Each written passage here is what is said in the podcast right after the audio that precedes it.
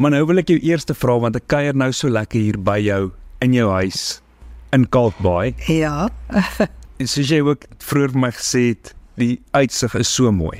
Ja, ek voel verskriklik geseënd dat ek elke oggend kan wakker word en oor die see uitkyk en dat ek soms as ek wakker word dan sien ek walvisse hier voor my paljaar of dolfyne. Dis regtig ongelooflik. En indien jy sopas by ons ingeskakel het, ons het die groot voorreg om vanoggend by sal ek sê die liefling van Suid-Afrikaanse teater, televisie en film met 'n baie wye repertoire van haar te kan kuier, Sandra Prinsloo.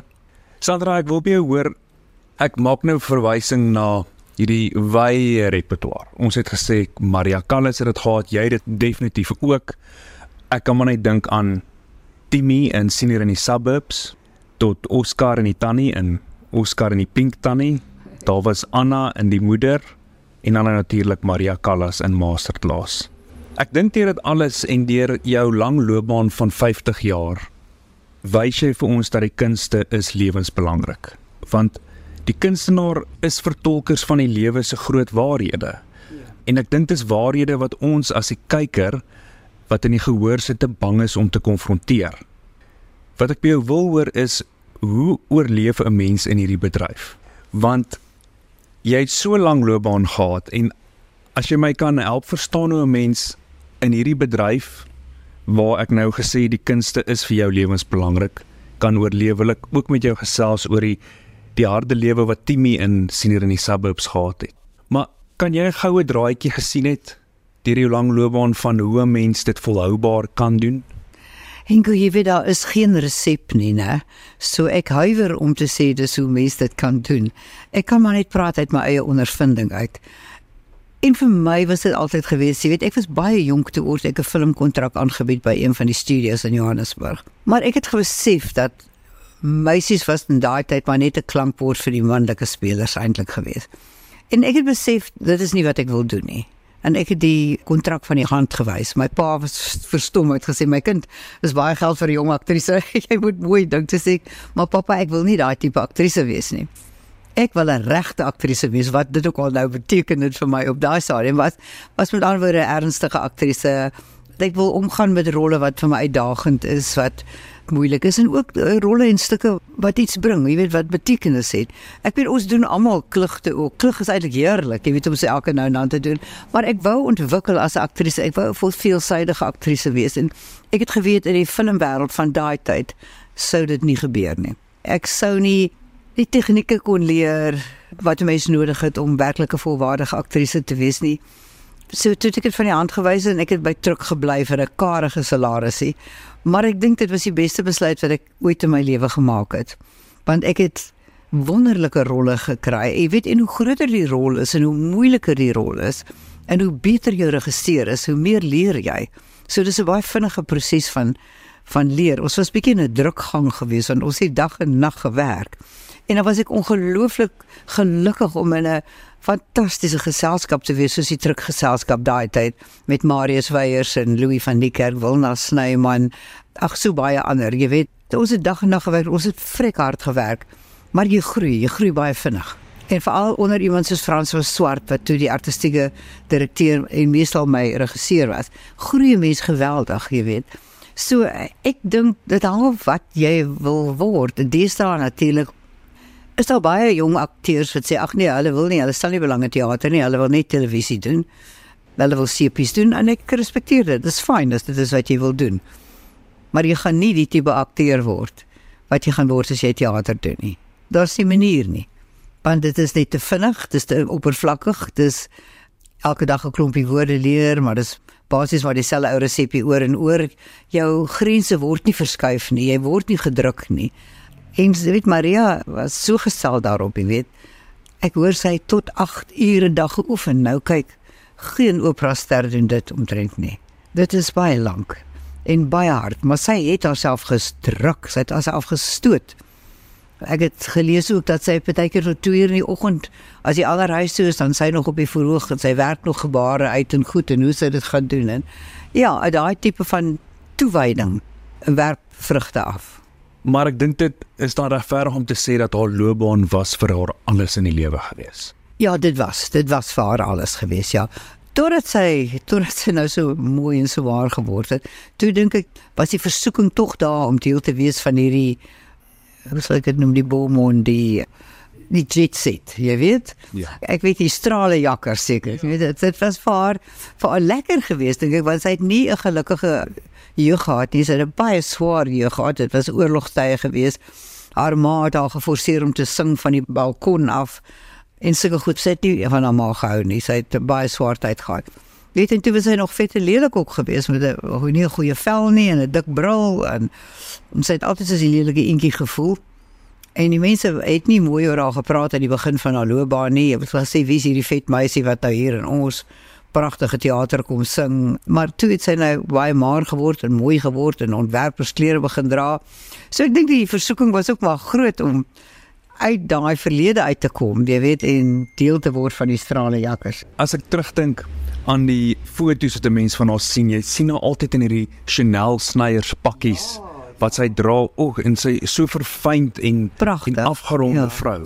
En as jy luister na haar onderhoude ook, sy was allerminste wat mense wil altyd sê sy is 'n teef. Ek dink glad nie sy was 'n teef nie. Sy was 'n 'n baie beskaafde vrou wat baie mooi met almal gepraat het haar onderhoude.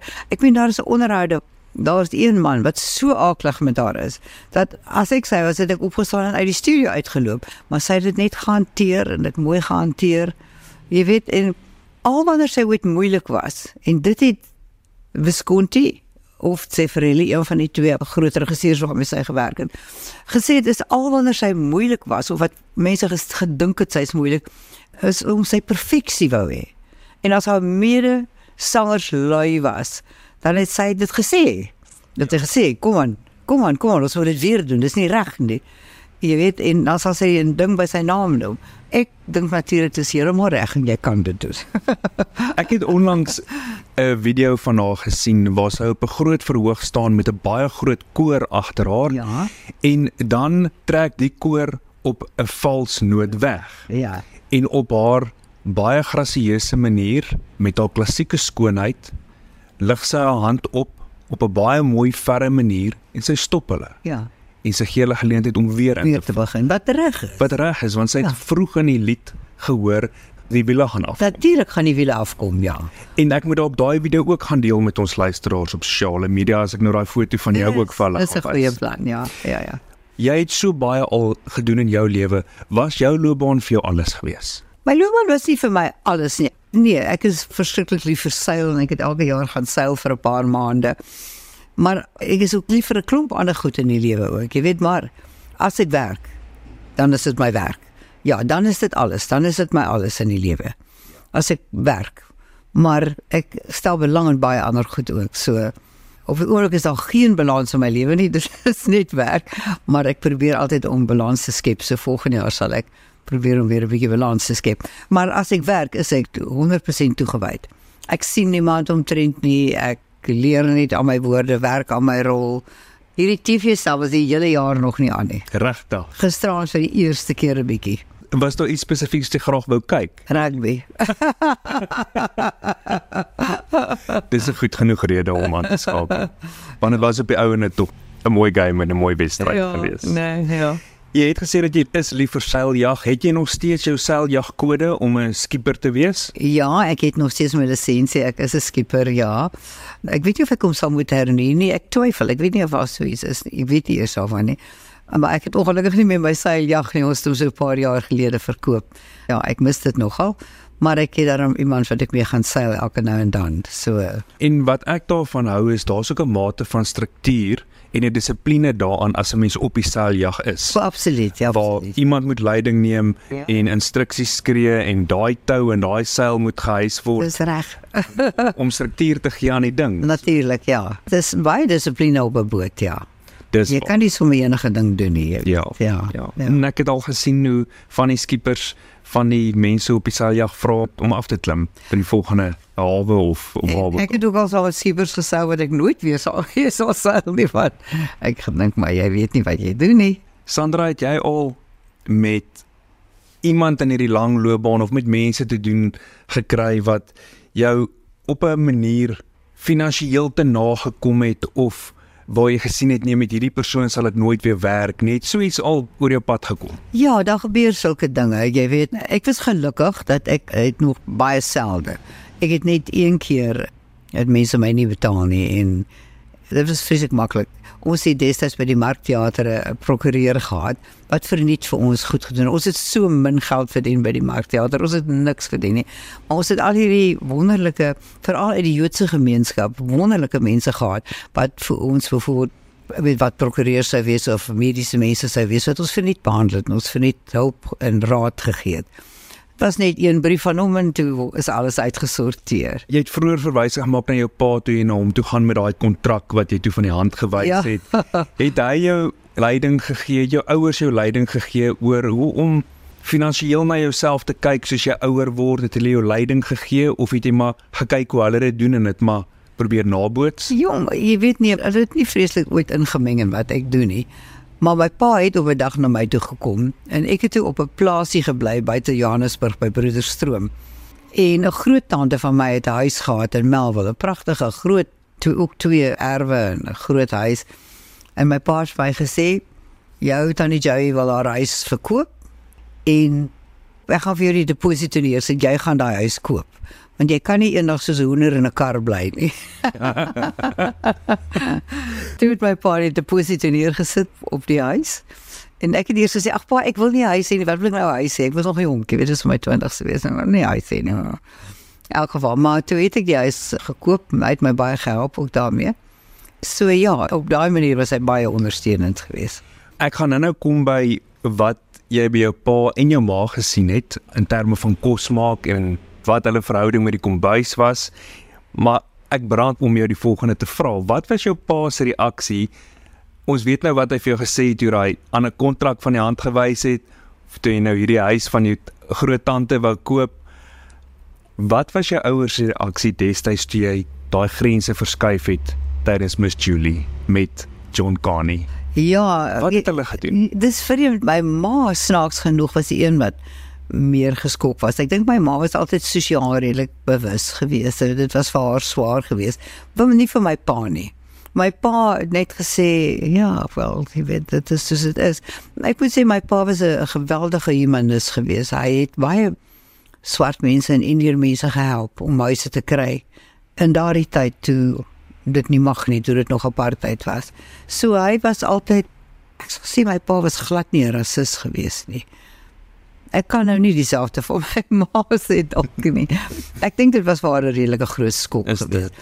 Nou, maar ek dink dit was ook die aandag wat dit getrek het, jy weet. Ja. En hulle teen daai tyd ja, ek weet hulle was sosiaal redelik hoog en so so ja, dit was vir baie moeilik geweest. Maar my ander tantes, haar susters het kom kyk en gesê, "Maar gaan kyk, daar's niks waar jy geskok gaan wees nie." Maar my ma kon nie daai treetjie maak nie, ja. En indien 'n luisteraar dalk nou nie weet na watter toneel ons verwys nie, ons verwys na die Soen toneel.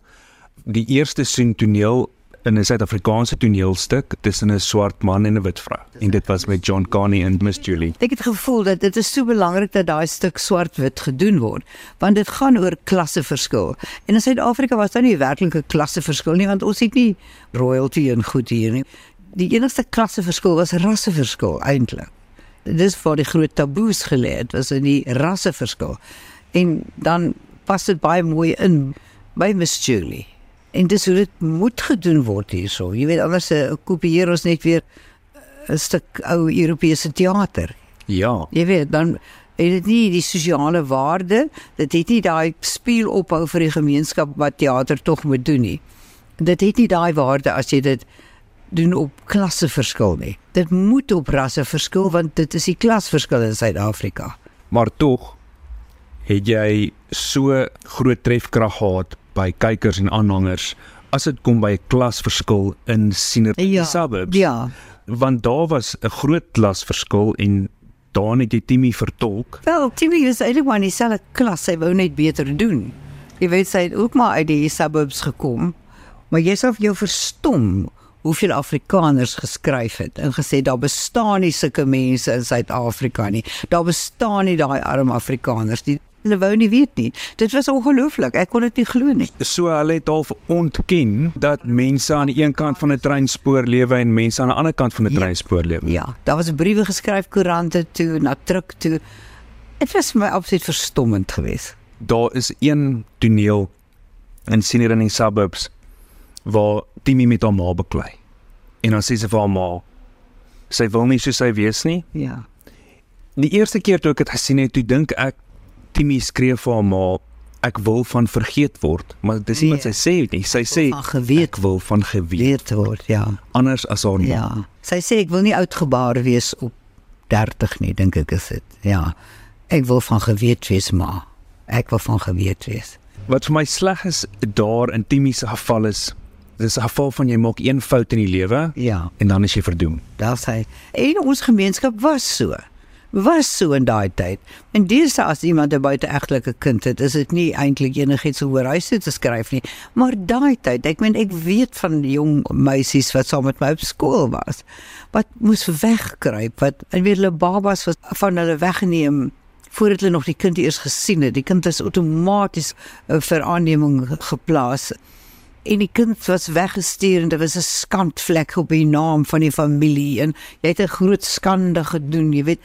En ek dink dis waar sien en dis op so wonderlik is is dit hou daai speel opgehou. Hy sê, weet hoe oordeel ons nie? Hoe verskriklik is ons nie? Dink dit is dat Timmy so hartseer karakter maak, Ja. dis die feit dat dis net een fout wat sy gemaak het. Een fout en. 'n menslike fout. Ja, 'n Baie menslike fout. Dit is almal dit maak glad nie van 'n slegte mens nie. Nee, glad nie, glad nie, glad nie. Maar soos jy sê en ek dink meeste van die stukke waarna jy speel is daardie speel wat jy ophou om my kwessies aan te raak want baie van die een vrou vertonings oor hierdie kwessies daar's kwessies oor ouderdom, Ja. daar's kwessies oor verlies. Ja. ja. dink aan Oscar. Ja, ja. Oscar gaan ook oor eerlikheid.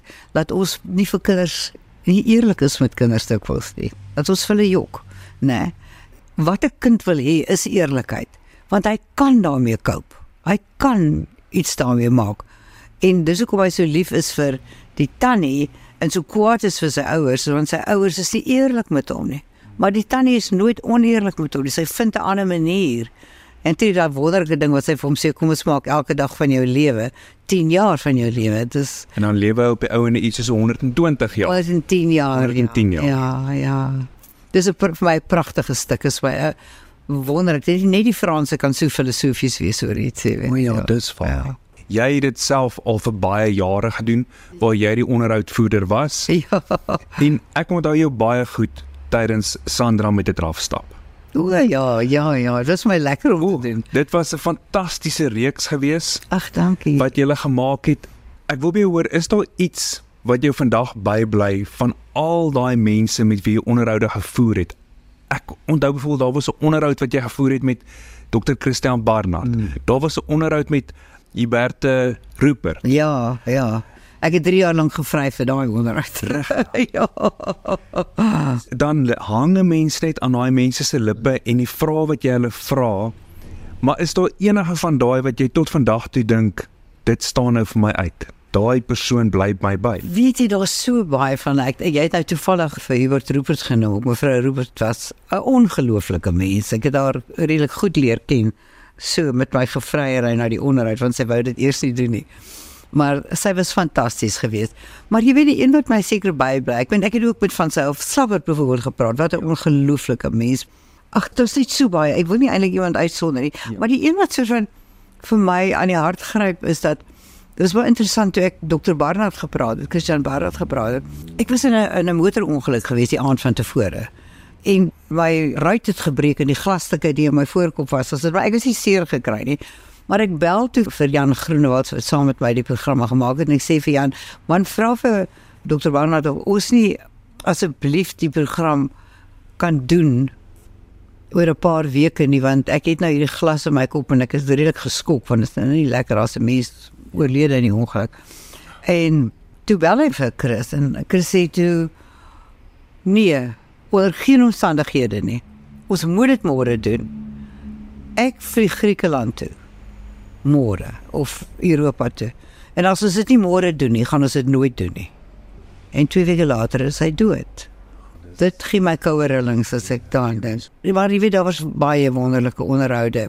Die hele reeks het begin het ek met vroue van moed gepraat het. En daar was voor die meisie, ek vergeet nou haar naam. Een, ek is so sleg met name, maar in elk geval wat jy by Frans soek. Haar vriendinnetjie is geskiet en die ander ouetjie en sy het gespring by die berg af by die pas af daar. Maar hulle het 'n geweer op haar gerig en net na geskiet laat deur die heup geskiet. En sy het afgerol met die berg maar sy het aan 'n bossie vasgeklou. En sy het oorleef. En nie die moed van daai jong meisie wat uit moeilike omstandighede kom, baie moeilike omstandighede, maar die moed, die oorlewing strang wat daai kind gehad het. Jy weet dit was my fantasties geweest. 'n Ma en 'n pa wie se dogter en haar verloofde net verdwyn het op 'n veerboot iewers in Griekeland. En wat hulle hele lewe lank soek na daardie dogter weer. En hulle nooit gekry nie. Weet sulke goed, dit bly jou by, jy weet dit ontroer jou diep, jy weet daar was baie baie sulke stories geweest. Maar dan die heerlike stories ook wat ek gedoen het of die onderhoud wat ek gedoen het met mense soos uh, Jean Gosen en Joan Hambidge en jy weet skrywers en digters, dit fantasties wat so lekker, jy weet. Toe jy teenoor Marius Veyers Ja. in The Gods Must Be Crazy gespeel het. Waar het julle dit verfilm? Was dit in Namibië gewees? Oh, die land vol Namibië, eh, Graskop, Blyde Rivier Canyon, die soutpanne by Aruap. Ag, ons was oral, absoluut absoluut oral gewees in die land, ja. Nee, want ek het maar net aangeneem dit moes eers in die woestyn gewees het veral waar die Khoi mense woon, want Ja, want kyk, dis waar hulle nie gaan kry het, was daar. Het ook by die Limpopo in die Limpopo rivier daai jy weet daai skote van waar ek in die water val nie. Bland River opgehuis word in 'n boom in Ja. En ons was in Venda gewees, ons was ag ons was absoluut oral. Maar as jy regtig kyk na die geografie maak jy vir hom glad nie sin nie want hulle kon nie so ver, jy weet 'n halwe dag of 'n dag gereis het nie, maar Jamie het fisiek gehou van mooi tonele, mooi natuurskoon en so. Hy het dit baie goed reg gekry. En het 'n man soos nie ook 'n groot indruk op jou gemaak? Was hy 'n indrukwekkende mens gewees? Ja, ek is seker hy was. ongelooflik. Dit was my eerste kontak en ek gaan nie sê met 'n san persoon nie want hulle wou nie hulle wil nie san genoem word. Die Suid-Kalahari Boesmans wil Boesmans genoem word. Hy was ongelooflik geweest. Hy kon nie 'n woord Afrikaans praat toe hy begin het nie. Hy het regtig hy was eh, 'n uh, jagter, jy weet. Hy kon net Khoikhoi praat, watter deel van Khoikhoi weet ek nou nie maar. En ehm um, hy het 'n- 'n neefietjie saamgebring wat kon vertaal, jy weet want dit was van maar hy was so ongelooflike mens gewees baie stil wonderlike sin vir humor ons het verskriklik goed klaar gekom en die nou lank nadat het ons lank nadat ons klaar is met God's Must Be Crazy maar jy weet te wys hoe goed het ons klaar gekom ek het dikwels by hom gaan sit en dan was hy het vinnig Afrikaans geleer praat baie vinnig. Baie slim man. Maar in elk geval eendag kom hier toe in die pos twee daai dae het ons nog gehad wat ons genoem het trendies soos foto's geneem het. Jy weet so um, in 'n rampie so 'n foto. Dan kon jy met 'n masjien sit en op projekteer Ja, ja, ja. daai okay amper so skyfies. ja. Hier kom hierdie twee skyfies. Ek dink dit is 'n skyfie. En die posie aan van 'n pastoor wat ek van Adams kant af nie ken nie. Maar met 'n brief by. En die storie gaan so. Hy was daar by Tsunkwe ja, dis waar hy vandaan kom Tsunkwe en hy loop toe in die vas. En hy het 'n ou handbyle versamel die pastoor. En nie het 'n ou handbyl gehad en hy vra toe hy dit by hom kan koop of kan ruil vir iets. Toe sien hy vir hom nee dis reg hy kan dit koop maar ken hy vir Sandra Prinsloo dis ja niemand nie hy ken my nie maar hy weet daarom min of meer wie ek is en so dis sê hy jy kan my handpyl koop as jy twee foto's neem van my en my vrou met ons nuutste babatjie en dit vir Sandra stuur. Nee. En net daai arme man gesoek maar hy het toe my adres in die hande gekry en hier uit die woestyn uit kry ek deur die pastoor die foto's van hy en sy vrou en 'n nuutste babatjie. Is dit nie mooi nie? glo. Kan Ja. glo? Nee. Dit wys jou ook wat jy vir hom beteken het dat hy dit Ja. ook graag met jou wou deel. Maar ek moet vir die pastoor ook sê dankie dat hy so aangehou het en sy woord gehou het, jy weet. Ek wonder waar hy vandag is. Hy is dood, hy is oorlede ja, hele paar jaar. Hele lang tyd gelede al, ja. Sjoe, en as 'n mens Ja. net vat wat the gods must be crazy beteken het en wat 'n volksbesit dit vandag is Ja. en hoe Maar- hy daarin was. Maar hy was fantasties Weer dan kom hy terug van Japan. Die Japanners was mal oor om Japaneese. Hy was gereeld Japan toe.